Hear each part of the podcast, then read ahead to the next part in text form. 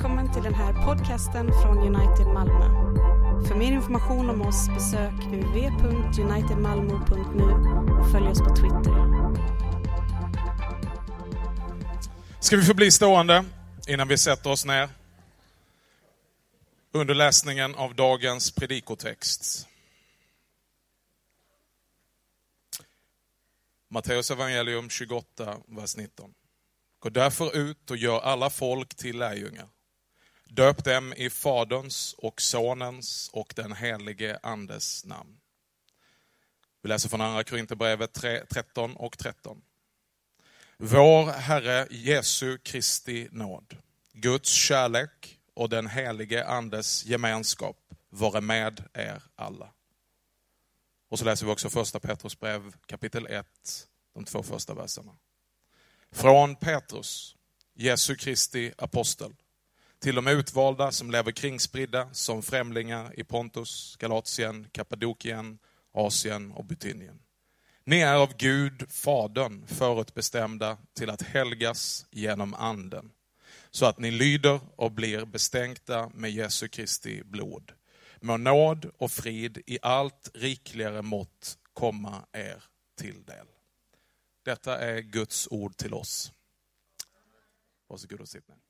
Det här är då den andra predikan som vi har i den här serien över den apostoliska trosbekännelsen.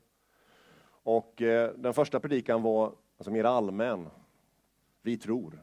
Vad är detta för slags bekännelse? Hur kan vi förhålla oss till den? Nu har vi kommit till Vi tror på Gud. Och eh, närmare bestämt visade sig vi tror på Gud den treenige. Det står ju inte så i början här. Men om du tänker efter så är hela strukturen på den här bekännelsen just en bekännelse av den treenige guden, av Fadern, av Sonen och Anden. Att Gud är treenig är Bibelns förbluffande, men samtidigt tydliga vittnesbörd. Själva begreppet treenighet finns inte i Bibeln och det har en del hakat fast sig själva vid. Och Det var från början en broder till oss som hette Tertullianus på 200-talet som hittade på det här begreppet. Men även om inte begreppet som sådant finns i Bibeln så är det en träffande och helt korrekt sammanfattning av den bibliska uppenbarelsen om Gud. Det här är ett grundläggande mönster, den djupaste strukturen faktiskt, Eh, för hur allting hänger samman i den kristna tron. Att inte förstå detta, att inte jubla inför detta, är att vara fattig i sin kristna tro. Eh, för när den kristna kyrkan talar om Gud, till skillnad från andra religioner, eh, andra filosofier, så menar man inte liksom någon slags opersonlig kosmisk princip. Det är inte någon stor kraft där som vi kan kalla Gud, så att säga, i största allmänhet. Va? Eller att alla som talar om Gud talar om samma Gud. Så är det inte enligt den kristna kyrkan. När den kristna kyrkan talar om Gud så talar man alltså alltid om Fadern, Sonen och Anden. Och faktum är att Guds treenighet är det som håller ihop hela den kristna tron och upprätthåller alla centrala sanningar om Gud och hans handlande. Om detta inte är strukturen så faller allt samman faktiskt. Den apostoliska trosbekännelsen är ju just en bekännelse, som jag sa, av denne treeniga Gud. Ja, det är en presentation av hela tron, just som en tro på Fadern, Sonen och Anden. Så enkelt och grundläggande är det. Va? Och det är ju så här, det märker du när du läser trosbekännelsen, att den utvecklar ju inte treenighetsläran. Liksom och förklarar den i detalj eller sådär. Va? Och det är ju också så att den är svår att förklara. Den är mer någonting vi tror på och bekänner oss till. Vi kommer till det lite sen. Då. Men den bygger ju på den. då. Men det, senare kom det en utveckling när treenighetsläran kom under attack. Och det var då man utvecklade den atanasianska bekännelsen. Så vi ska faktiskt ta ett litet utdrag därifrån. Eh, vi ska se ett kort utdrag från den där man ställer fram det centrala i den trinitariska tron. Och det låter så här. Men detta är den allmänneliga kristna tron, att vi dyrkar en enda Gud i tre personer och tre personer i en enda gudom. I det att vi varken sammanblandar personerna eller söndrar det gudomliga väsendet. Så finns det en klassisk bild som vi ska få se också, som visar just detta, alltså denna trinitariska tro. Så. Och det här är ju såklart inget, ni förstår, det här är inget diagram över Gud. Va? Vill du veta hur han funkar? Vi har som ett diagram. Nej, det här är bara för att hjälpa tanken lite grann eh, vad kyrkan bekänner, nämligen att Gud är Fadern, Sonen och Anden. Men Fadern är inte Anden och Anden är inte Sonen och Sonen är inte Fadern. Men Fadern är Gud och Anden är Gud och Sonen är Gud. Så det är ingen sammanblandning av personerna, men det är heller ingen söndring av det gudomliga väsendet. Okej? Okay? Trots att läran då om treenigheten är så central för den kristna tron så är den ju, det har du märkt själv, svår att förklara. Det är inget samtal som du gärna hamnar i. Förklara treenigheten för mig. Eller hur? Ja, eh, det är tre och en va, på samma gång. Ja, det verkar ju lite rörigt. Jo, och det är ju för att vi har liksom inte valt att Gud ska vara på det här sättet. Utan han är helt enkelt tre och en, så att säga. Och det är inte så mycket att göra åt det. Eh, men svårigheten ligger i att djupast sett har vi alltså att göra med ett mysterium. Ett djupt mysterium. Men inte så att treenighetsläran är helt obegriplig, för då vore det ju helt meningslöst att överhuvudtaget prata om den. Men den är paradoxal och rymmer ett mysterium. Den är inte möjlig att undersöka och reda ut med våra förnuft och liksom komma fram till. Det är därför som villfarelser aldrig kommer fram till detta, när de försöker förstå hur saker och ting hänger ihop. Men kyrkan som står under uppenbarelsen och bekänner, de har detta. De har denna sanning. Så att säga. Så om vi inte fullt ut bejakar Guds treenighet, det är det jag ska prata om idag, då får vi en skev förståelse av evangeliet. Så viktigt är detta. Så vi ska se idag på treenigheten, man skulle kunna göra detta på många olika sätt. Men vi ska se på treenigheten utifrån evangeliets ljus. Och en skev förståelse av treenigheten innebär att man får en skev förståelse av hela evangeliet. Men en rätt förståelse av treenigheten upprätthåller evangeliets sanning. Och jag har tre punkter i sann trinitarisk anda. Det känns så bra. Den första är längst ifall du börjar undra hur långt ska det här bli. Nummer ett. Läran om treenigheten ger oss en rätt syn på korset. Jag glömde min bibel där, skulle min broder kunna... Ursäkta. Tack. Ehm, det där gjorde jag bara för att få demonstrera makt här. Nej. Ehm, en rätt syn på... Läran om treenigheten ger oss en rätt syn på korset och nu gäller det synen på Fadern. Okay? Andra Korinthierbrevet ska vi läsa, kapitel 5 och vers 18 till och med 19. Där står det så här. Allt kommer från Gud, som har försonat oss med sig själv genom Kristus och gett oss försoningens tjänst. Ty Gud var i Kristus och försonade världen med sig själv. Han tillräknade inte människorna deras överträdelser och han har anförtrott åt oss försoningens ord. Här kommer evangeliet av Guds nåd och försoning till oss. Hur belyser då den här texten Guds treenighet? Jo, den pekar på att en förkunnelse av korset som inte tar fasta på Guds treenighet förvrider synen på Jesu försoningsverk. Och hur kom du fram till det, undrar du då? Jo, i mycket populär förkunnelse som jag är säker på att du har hört, så har man på ett ensidigt sätt betonat Jesu initiativ i frälsningen. Det är Jesus som gör allt detta. Det är Jesus som går till korset. Det är Jesus som är vår frälsare. Och så vidare. Och allt detta är ju sant såklart, men det är ensidigt och obalanserat. Därför att det sker på bekostnad av Faderns handlande. Men ingen förklaring av korset eller frälsningen som berövar Fadern initiativet i vår frälsning är biblisk. Fadern är alltid källan till allt Guds handlande. Det är en regel. Ni kommer ihåg från Efesierbrevet. Fadern är den som planerar. Det är, hans, det är källan till hela frälsningen och det där är ett mönster som uppenbarar någonting om Gud för oss. Att säga. Initiativet alltid hos honom, men trots att det inte är meningen så byggs ofta en inbillad mur mellan fadern och sonen upp i mycket populär evangelisk förkunnelse.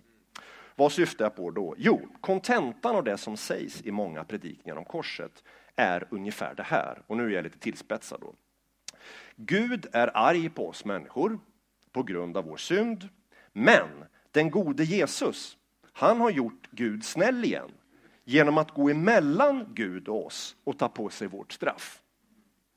Känner du igen det? Ja, alltså, och du kan tänka på broillustrationen som har varit vanlig i många sammanhang också. Där är Gud i sin absoluta helighet och han är helt omöjlig. helt enkelt. Va? Men nu kommer Jesus här och ordnar detta, för han är snäll och han kan man lita på. Och trots att det ligger en del sanning i detta, det är alltid så med villfarelse, att den bygger på en del sanning, så missar den här målet med vid marginal. Va? För följden blir att en skugga kastas över Fadern. Han framstår endast som domare. Han är bara rättvis och vred. Det är vad som tillhör honom i den här förkunnelsen. Han är inte överflödande av kärlek och barmhärtighet, utan han drivs egentligen bara av rättvisa. En sån Gud är svår att älska. Erkänn detta för dig själv. Och plötsligt är de goda nyheterna inte längre så goda faktiskt. För konsekvensen av den här förkunnelsen blir ju Jesus är god och kärleksfull. Han vill oss väl, men Fadern är arg och tycker inte om oss och vill straffa oss. Borta är då den underbara fadersbilden i berättelsen om den förlorade sonen. Tänk på den. Alltså, där, fadern där, i kärlek så springer han ju sin hemkommande son till mötes. Det finns liksom ingen gräns för vad han kan göra. Han väntar i kärlek. Va? Men istället har vi fått en arg Gud som verkar hindras av någon slags gudomlig byråkrati. Det är någonting utanför Gud, någon form av byråkratiskt system som han måste hålla sig till. Och han kan inte förlåta, utan det är Jesus som ställer saker och ting till rätta och löser detta med Fadern. Då. Så Fadern är liksom låst av sin egen rättvisa. Det är lite som du vet när man har fyllt i blanketter från Försäkringskassan fel. Och så får man tillbaka den här blanketten. Det är fel. Du kan inte få någon hjälp. Sorry. Lite så. Det är omöjligt. Jag är hindrad av en byråkrati. Jag är ledsen. Men detta är såklart, förstår vi, ett totalt missförstånd av vad som hände på korset. Och helt fel syn på Gud, Fadern. När verbet försona, vi går tillbaka till den här texten nu, används, eh, och det är det centrala ordet i, i den här texten, försona. Egentligen är det förlika, det är den innebörden, ni vet när man förlikar två parter. Eh, när det används i Nya Testamentet så är alltid Gud själv subjektet. Alltså, det är Gud själv som gör allt försoningsarbete. Vad det vi läste va? Gud var i Kristus och försonade. Eller hur? Och här är grammatiken viktig. Gud är den som röjer undan synden och allt det som står emellan oss och honom. Vi varken kan eller behöver blidka Gud. Det är ingen kristen lära att vi ska blidka Gud. Va? Och varför vill jag då framhålla det här? Jo, evangeliet är ju berättelsen om vad då? Att Gud älskar sin fallna människa och tar initiativet till hennes frälsning. Johannes 3.16. Ty så älskade Gud världen att han gav sin son. Det där är ingen gudomlig byråkrati där. Va? Utan den överflödar av kärlek till just syndare. Vi ska också läsa Romarbrevet 5 och 6. Där står det så här. Jag är fortfarande inne alltså på initiativet hos Gud Fadern. Romarbrevet 5 och 6. Medan vi ännu var svaga dog Kristus i ogudaktiga ställe när tiden var inne. Eh, och I vers 8 så står det så här. Men Gud, där har du det igen, initiativet. Gud bevisar sin kärlek till oss genom att Kristus dog i vårt ställe medan vi ännu var syndare. Gud, Fadern, syftade på här, överflödar av kärlek till den fallna människan och gör allt för att ställa allting till rätta. Så Guds kärlek fördunklas alltså om vi har en förkunnelse där Fadern framställs som domare och Jesus som frälsare. Det är fel. Gud syftar ju i den här texten som vi har läst på just Fadern. Att Gud var i Kristus säger oss ju att Jesus var inte vårt ombud på korset, medan Gud själv, alltså Gud Fadern, är arg och befinner sig på behörigt avstånd och han måste liksom vänta ut det här tills vårt straff är sonat. Då kan han närma sig oss. Utan Gud, Fadern, är fullt delaktig i korslidandet. Han handlar och lider på korset precis som Jesus. Det är goda nyheter. Gud Fadern handlar och lider, så han är inte på behörigt avstånd. Och tänk så här, på korset är det inte bara Jesus som skiljs från Fadern, utan Fadern skiljs också från Jesus. Det här är ett mysterium, hur försoningen har att göra med Guds eget väsen faktiskt. Det är ett ofattbart lidande för både Fadern och Sonen. Jürgen Moltmann, en tysk teolog, har uttryckt det så här. Sonens faderlöshet motsvaras av Faderns sonlöshet. Det är fina ord. Jag säger det igen. Sonens faderlöshet, han är skild med Gud, med Gud, varför har du övergivit mig?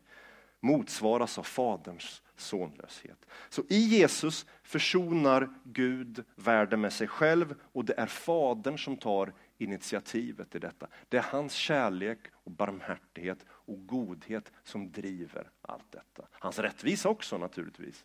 Men det är samma rättvisa som sonen står för.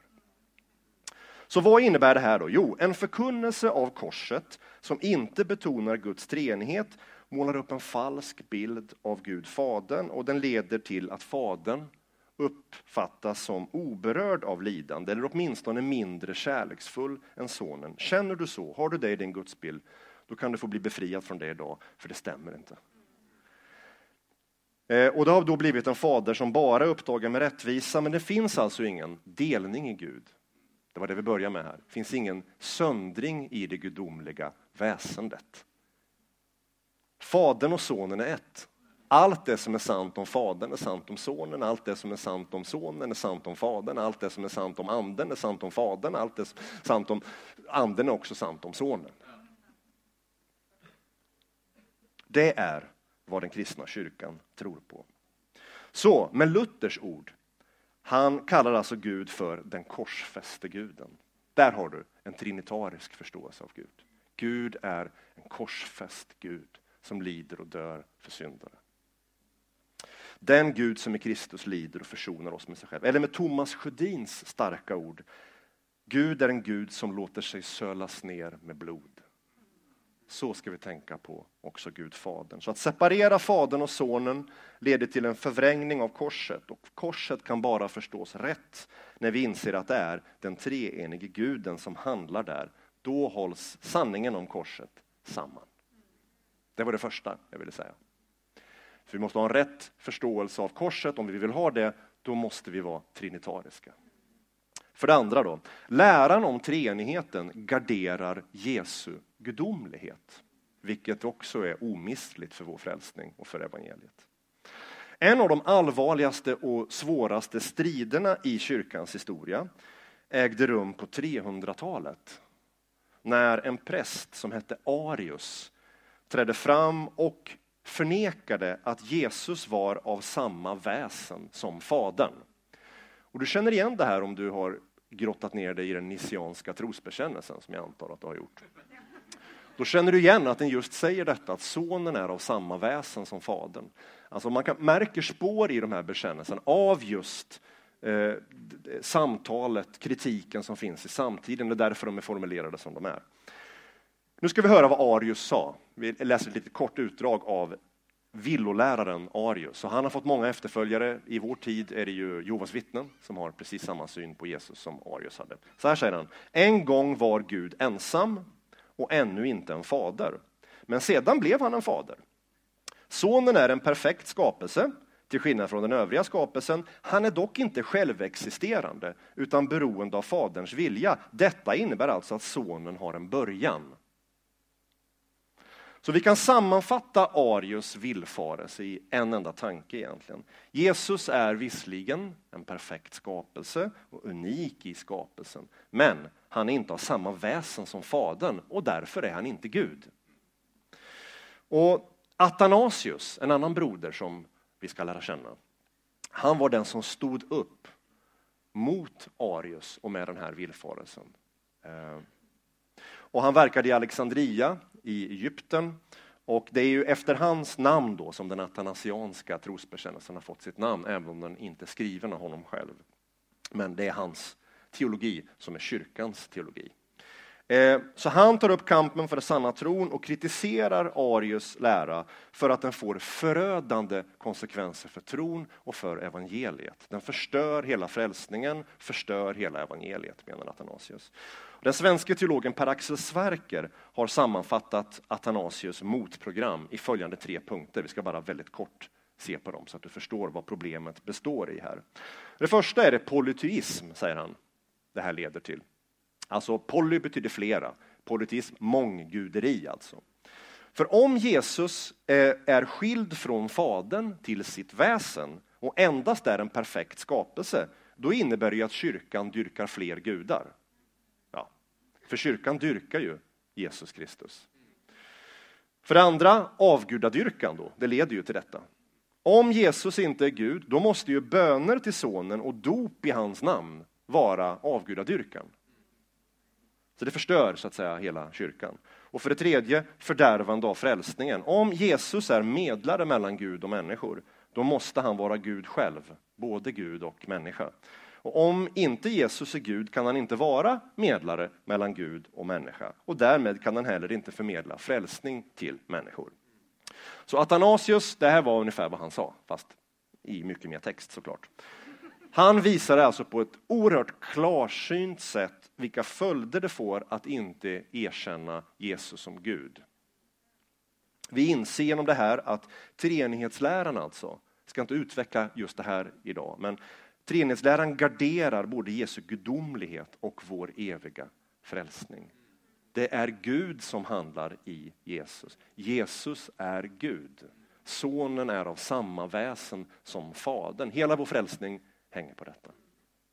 Och för det tredje, läran om treenigheten garderar Guds initiativ i vår frälsning. Här är alltså en anledning till varför treenighetsläran är helt omistlig för den kristna tron. Och nu gäller det synen på anden. Hela treenigheten är fullt engagerad i vår frälsning. Det är de glada, goda nyheterna. Vi lär känna Fadern genom Sonen i den heliga Ande. Det skulle vara ett, ett trinitariskt sätt att uttrycka den kristna tron. Så treenighetsläran garderar alltså hela frälsningsläran från att bli skev. Och låt oss börja med vår gudslängtan, som ju faktiskt är det som först leder oss till att ta emot Jesus som frälsare. Alltså vår längtan efter Gud och den frälsning, den förlåtelse och den nåd han skänker genom Kristus. Det är nämligen ett verk av den helige Ande, enligt Bibeln. Det är inte vår egen längtan som fallna människor, utan Anden verkar en längtan i våra hjärtan när vi hör evangelium. Eftersom den heliga Ande är Gud är alltså Andens verk Guds verk.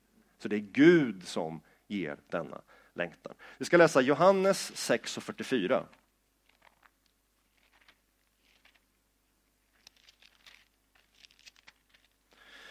Johannes 6 och 44, det är Jesus som talar. Så säger han så här. Ingen kan komma till mig om inte Fadern som har sänt mig drar honom och jag ska låta honom uppstå på den yttersta dagen.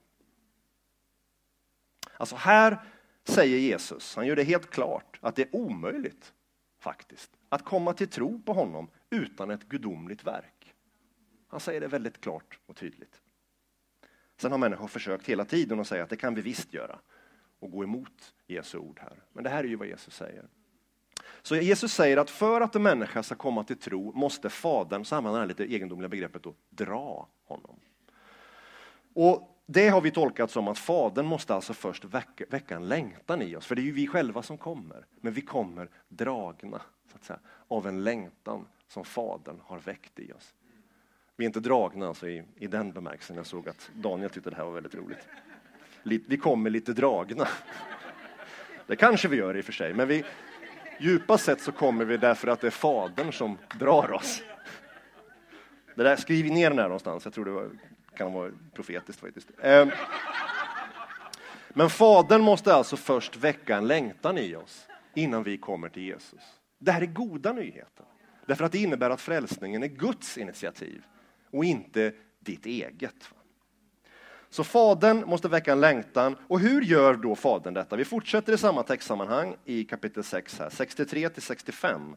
Så eh, talar Jesus igen och säger så här. Det är anden som ger liv. Köttet är inte till någon nytta. De ord som jag har talat till er är ande och liv. Men det är några bland er som inte tror. Jesus visste från början vilka som inte trodde och vem det var som skulle förråda honom. Han sa vidare, därför har jag sagt er att ingen kan komma till mig om det inte blir honom givet av Fadern. Här har du anden och Fadern och det är Sonen själv som talar. Det här mönstret återkommer om och om, om igen i skriften. Så summan av det Jesus säger här, det är ju att Fadern drar människor till Jesus genom den heliga Ande, genom Andens verk, därför att det är Anden som ger liv. Så din och min längtan efter gemenskap med Gud är alltså då djupast sett ett verk av den heliga Ande och inte vårt eget. Och därmed är det Guds eget verk.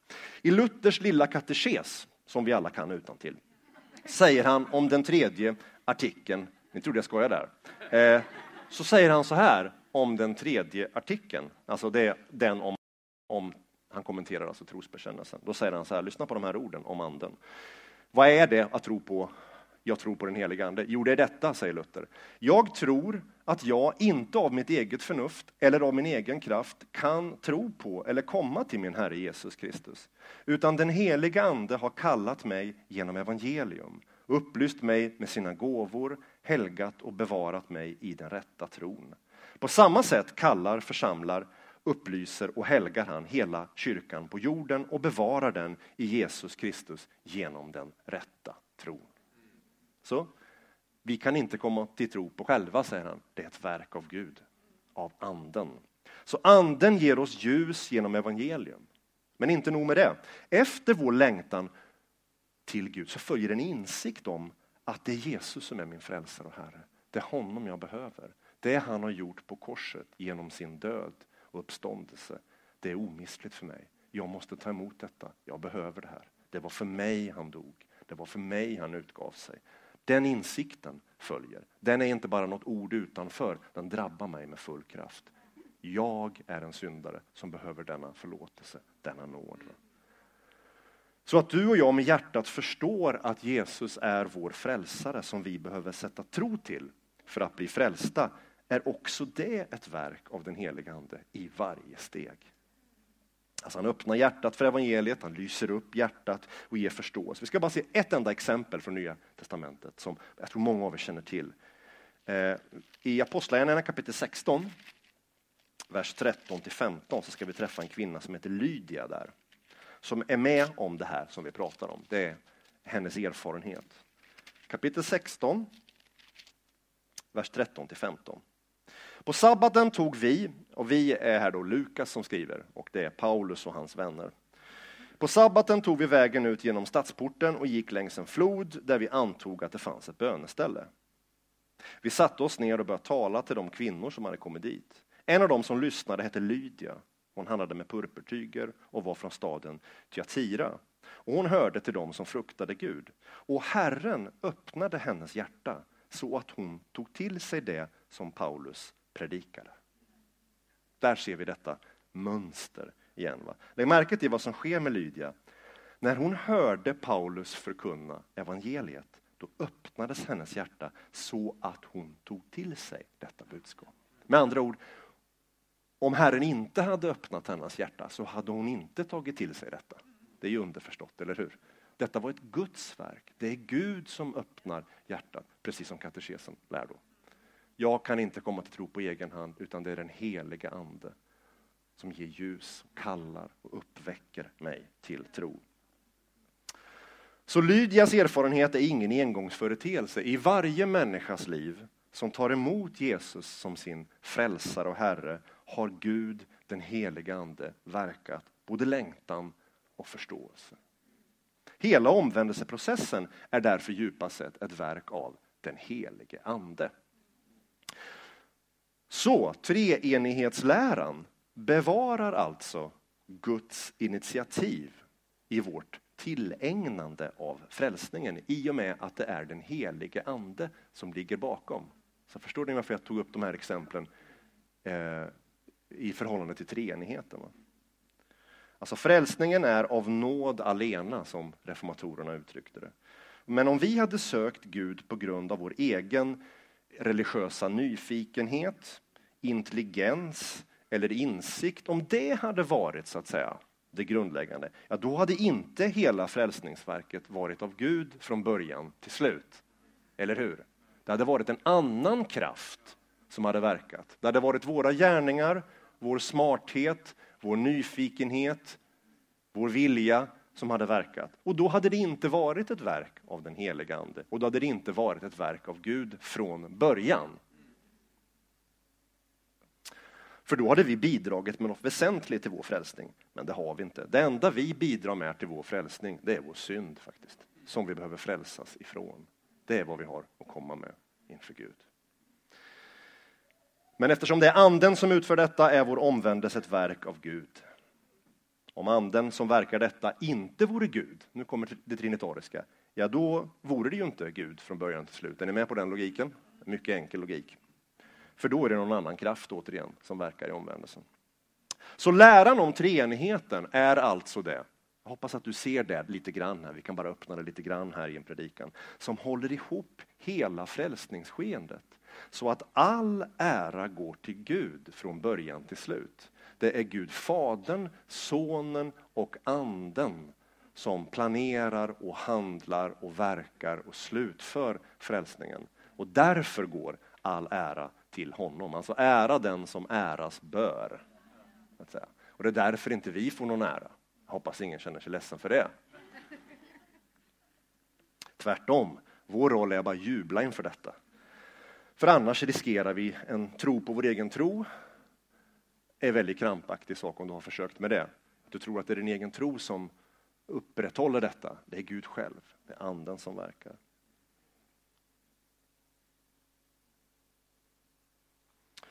Så det här är djupast sett då ett mönster som jag ville peka på här nu när det gäller Guds treenighet. Vi hade kunnat gå igenom många texter och visat så att säga på det här mönstret hur det framträder, men jag vill att du skulle se varför det är omistligt att kyrkan bekänner tron på Fadern, Sonen och Anden. Så att vi får en rätt förståelse av Gud, en rätt förståelse av Fadern, pekar jag på här, som god, barmhärtig, kärleksfull. En rätt syn på Jesus som fullt gudomlig, av samma väsen som Fadern. Fadern och Sonen är ett.